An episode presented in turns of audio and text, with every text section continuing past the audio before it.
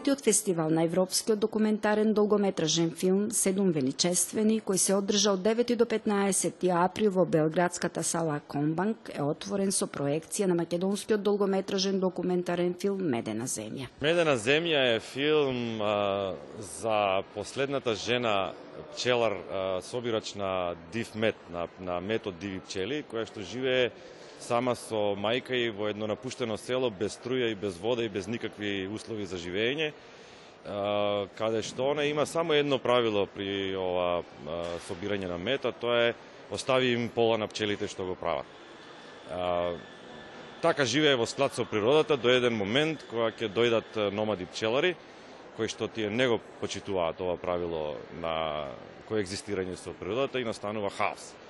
Оваа приказна е значи, една алегорија на, на, на тоа како човекот ја уништува природата и со кој интензитет го прави тоа. И, и е доста интересен затоа што е направен во еден специфичен филмски јазик наречен Синема Верите, кој што има една многу интересна нишка на, на, на, на еден филм. Изгледа како игран филм, а тој е ствари комплетно документарен филм и воодушевува со својата естетика.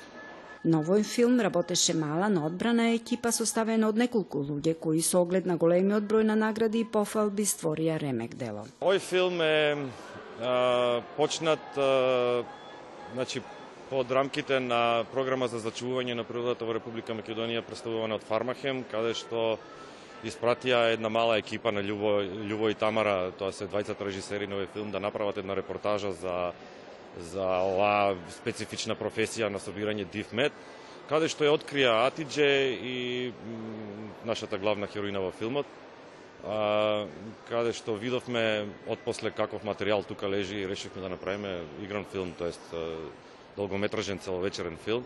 Пет, шест луѓе би ги, би ги одвоил, значи двајцата сниматели Самир Љума, Фейми Даут, двајцата режисери Тамара Котевска и Љубомир Стефанов, јас сум како продуцент и монтажер Атанас Георгиев.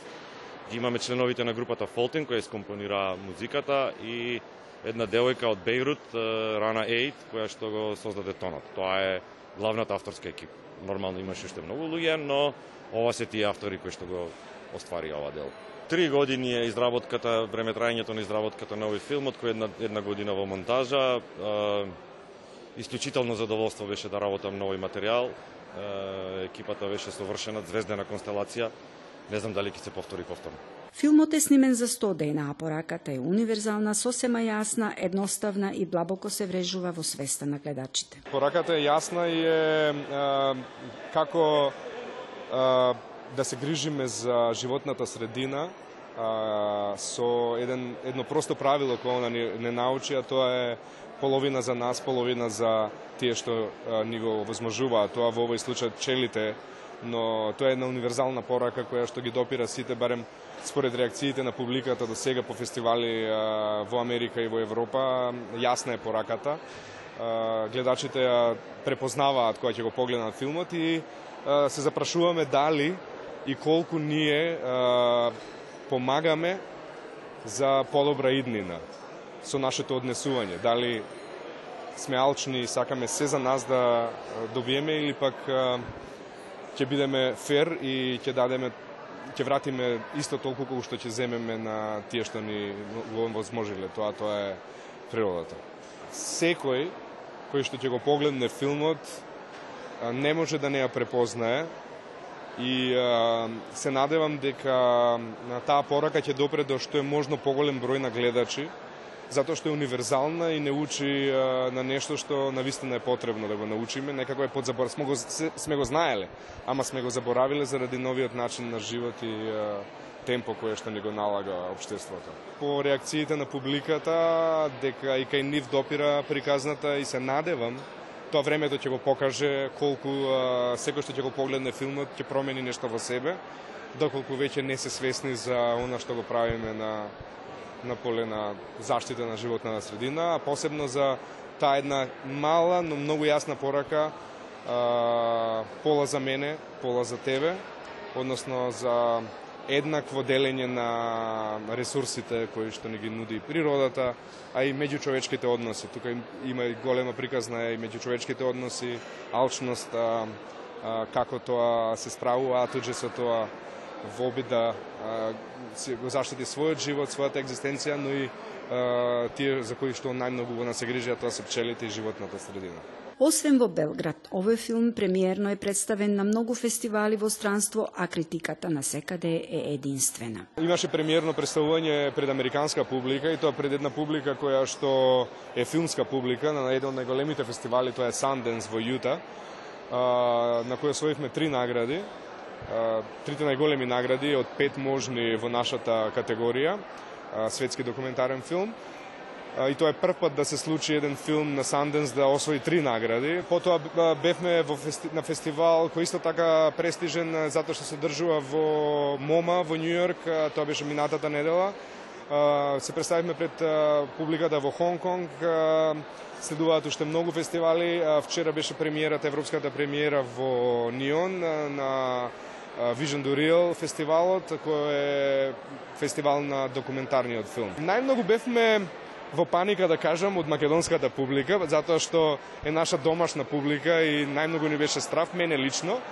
Ама после таа една затворена премиера и реакциите кои што ги добивме, сега веќе немам воопшто дилеми дека допира до секој гледач што ќе го погледне филмот. Оваа екипа и по завршувањето на снимањето на филмот мисли на главните личности, водени од идејата дека секој кој ќе го погледне филмот ќе сака и да го проба медот на Атиџе, по секоја промоција превземаат акција.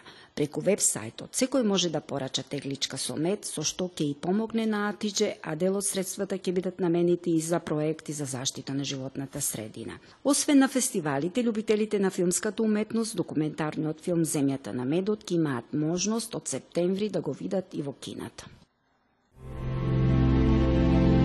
Гледате палету. Избор из емисија на језицима национални заедница.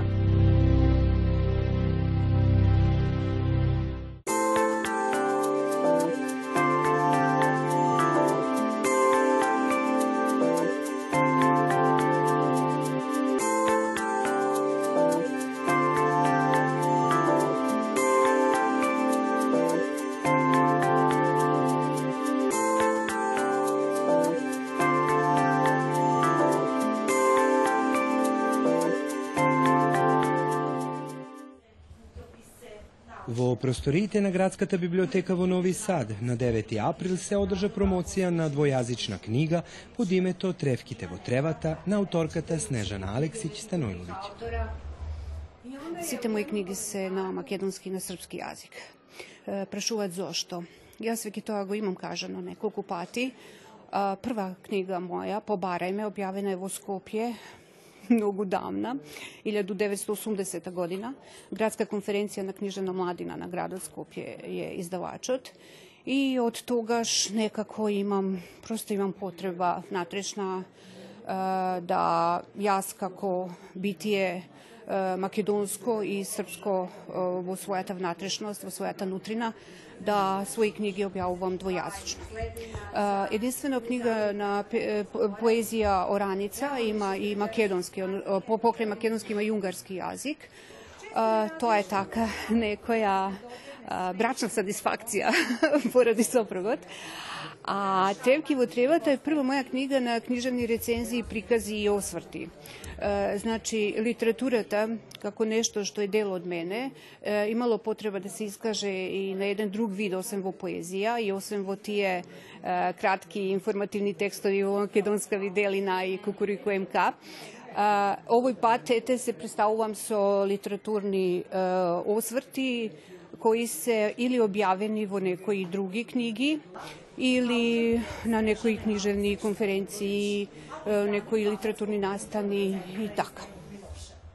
Снежана Алексиќ Станојловиќ родена е во Белград. Се школувала во Хрватска, Македонија и Србија. Денес како професор по одделенска настава работи и твори во Нови Сад. Литературниот свет е дел од мене, веќе Pa ne znam, od, od koga znam da čitam i da pišovam. A Oda za Orfe je knjiga koja je napišana pogolim broj od pesnice napišani uštevo vrijeme dodeka žive u Skopje, znači uh, 80. godine, koga ima 19, 20, 21, 22 godini. Međutim, čekale nekoj svoj mig, u međuvrijeme imali nekoj izmeni, nekoj dopolnuvanja i koga sobrav sila, ja sam od što uh, kroz mnogu sitno sito se sejat. Значи, многу сум самокритична и не влегувам во нешто додека не сум сигурна дека од одреден еминентен број критичари тоа заслужува да биде објавено, не објавувам дело. Така ода за Орфеј дојде до израз дури после многу, многу години кога собрав таа сила. А инспирација, инспирација во македонскиот Орфеј. Орфеј во Македонија. Значи, македонска песна, песна која а, се македонскиот глас, а, гитара, нешто што повикува на литературно творештво, на кон уметноста, кон прататковците, кон минатото. На оваа прекрасна вечер, полна со убави зборови и емоции, покрај авторката за книгата Тревките во тревата говореа и доктор Виктор Радун Теон и Зденка Валент Белиќ. Ono što je najbitnije obeležje Snežane Aleksi Stanojlović jeste ta pozicija na međi, odnosno ona je koliko srpska, toliko i makedonski pesnik i makedonski književni kritičar, e, priređivač i tako dalje. To je jedna specifična pozicija, mislim da imam pravo o tome da govorim bez snebivanja, s obzirom da i sama pripadam jednoj takoj međi srpsko-slovačkoj, to je jedna specifična pozicija ukoliko je posmatramo književne centre kao e, vrednosno superiornije, onda bi ta pozicija na međi mogla da se doživljava kao subordinirana. Međutim, da to nije tako, govori značaj e, ovih stvaraoca i pogled sa međe je zapravo uvek drugačiji, zato što je usmeren poput Janusovskog lica na dve strane, na dva potpuno različita, čak e, često i diametralno suprotne hjerarhije vrednosti i vrednostna sistema. Tako i Snežana deluje kako u jednom, tako i u drugom kontekstu i veoma je važna u tom smislu što e, književnike koji bi inače za naš pogled ostali skriveni i nepoznati, ona nama približava. Isto tako pišući i govoreći o srpskim piscima, a prevodeći svoje, e, svoje sobstvene recenzije, književne kritike na makedonski jezik, ona makedonskom čitavcu približava ove stvaraoce. Ona ovdje obrabotuva prilika 20. autori, pa od Srbija e, predivno, međutim imaju i od Makedonije i od Hrvatske i od Slovenije jedan autor. И тоа се во главно значителни автори, автори кои што пишуваат на српски, македонски и словенички јазик и кои што се значи имат запазен успех во книжевноста во, во овие земји. Инаку јас сум застапен во, во оваа книга и затоа помеѓу останатото сум и замолен од авторката да пишувам и да и да да посветам внимание на оваа книга. Инаку книгата е според мене многу специфична прво затоа што е тоа двојазична книга, значи и на српски и на македонски која што е фактички неизина специфичност. Инаку оно што е карактеристично, што може да се каже да е карактеристично за авторката, за Снежана Алексич Станиловиќ, е незиниот стил кој што е овде фактички тој лирски, емотивен стил напишување и таа фактички го не само не само што суопарно генерализира авторите и низините и нивните дела, туку туку внимава и на, на, незини, на, на нивните личности, значи на авторите како сами по себе.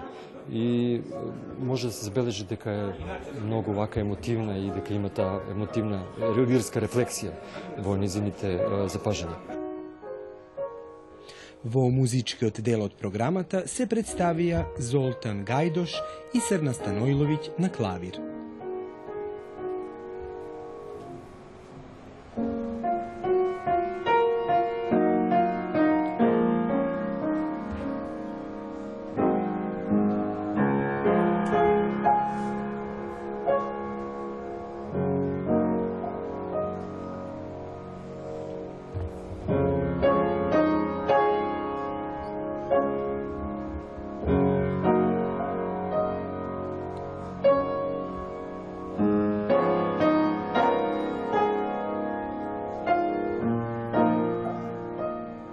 Авторката досега има објавено три поетски збирки Побарај ме, Ода за Орфеј и Ораница.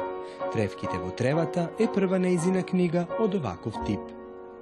Но што се подготвува во моливот на оваа мощна инспиративна поетка Снежана Додава. Како годините минуваат, некако се повеќе имаме потреба да се враќаме и на минатото и на тие песни. А, морам сега да спомнам кога ја спомнавме Ода за Орфе и и та, тоа мое враќање од млада струга, учествување на млада струга 1984 година до награда Стојан Христов на Струшките вечери поезија 2015 година. Еве сега е завршена книга Каселата за сонот македонски, во која се собрани песни за за стомна, за печалбари, за катанци, за, за се она што за Костурско, за се она што пафти, и сега да не спомнувам, инаку сум е, љубител на тие рурални зборови, значи за се она што мене ме врзува за Македонија, а на насловната страна ќе биде уметничка слика на мојот професор по методика по ликовна култура, професорот Ордев Данчо. Авторката е членка на Друштвото на писатели на Војводина, како и на Друштвото на просветни работници, литературни творци на Македонија. Книгата Тревките во тревата е објавена од страна на Банатски културен центар од Ново Милошево. Да се побегне од говорот, за да се напиеш од празборот, со перун беседа да беседиш, јазикот немуш од камено да го сознаеш, кременот Od prva ta iskra da se dopre fakelo da go razboriš, da bideš zbor, dok mu onoj koji u grlo to treba da se vrati i od nego samo svesen i jasen da može odnovo da se javi da progovori.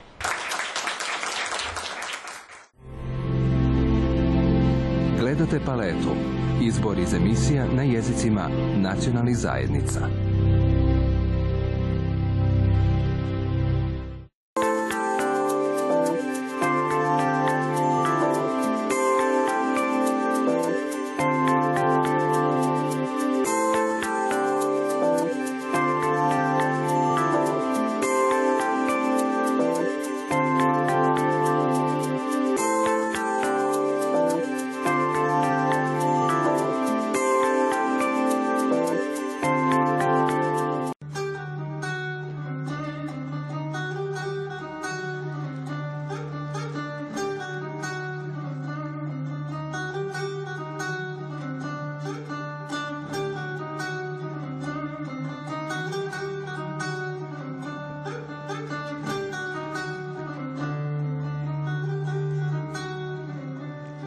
На 20 април во салата на културниот центар на Панчево, македонскиот а светски познат музичар, виртуоз на гитара Владко Стефановски одржа солистички концерт на кој го представи најновиот албум наречен Мајчин јазик.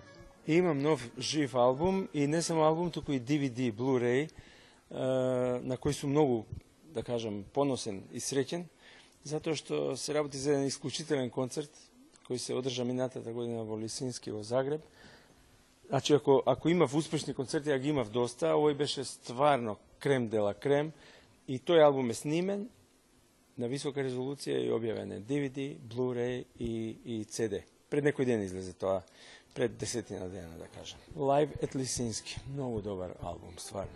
Албумот е само жива изведба на она што беше на мајчин јазик.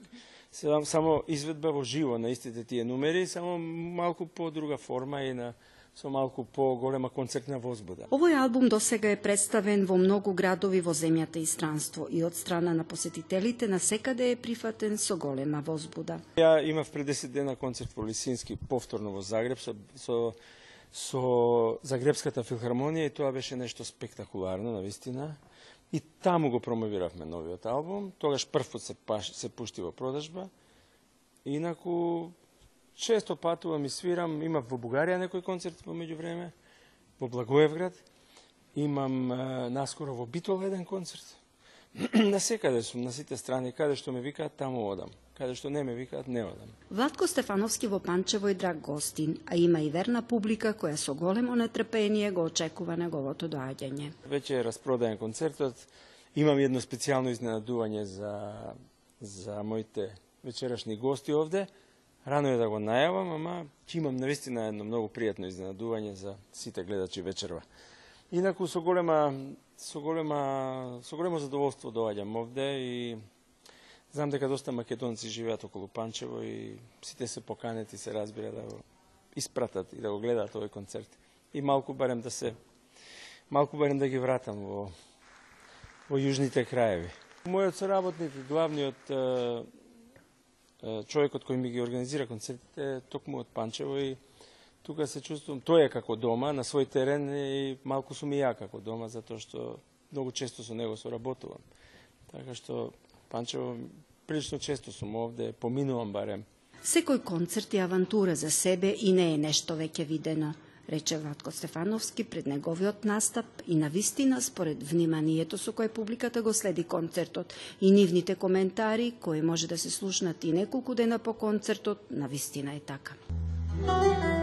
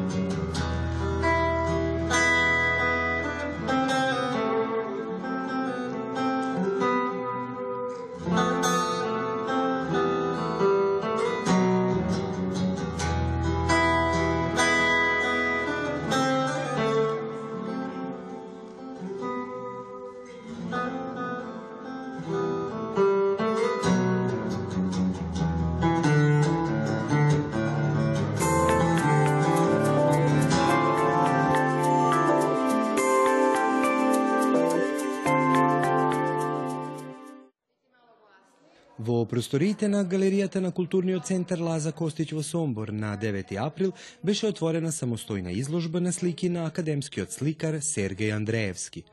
Ова е изложба која веќе беше поставена на неколку континенти, беше во Америка беше, односно на неколку, на повеќе места во светот, во Америка беше два пати изложена, во Северна Каролина, потоа во Германија две изложби во Нирбер, исто така беше во Москва и ова е, балканска премиера во овој преубав град во Сомбор. Со оваа изложба сакам да покажам кучињата дека се тие единственото суштество на планетава кое што многу ја респектира љубовта на неговиот собственик и тие му ја враќаат. Значи тоа е не е буквално фотографирање, меѓутоа тоа е повеќе слободно сликање каде што ги има емоциите, и љубовта покажана меѓу собствениците и кучињата и тоа се покажува повеќе, тоа е баш како да речем како во джез музиката со слободни потези сепак ја, ја, ја има тука и топлината на боите каде што таа е топлината на можеби на кучињата кои што ја предаваат на собствениците. Што би рекол повеќе? Кучињата може би не знаат да зборуваат, меѓутоа нивниот говор е поинаков, нивниот говор е во движење, во радост, во лајање и може би е добро ќе заборев да споменам дека изложбата се вели Кучињата лаат, тоа е настав на оваа моја самостојно представување. Сергеј Андреевски е уметник кој често сонува и патува по светот. И токму тој свет е местото каде тој одбра да биде неговото ателје. Неговиот стил може да се окарактеризира како пост експресионистички или како неограничена слобода на експресија.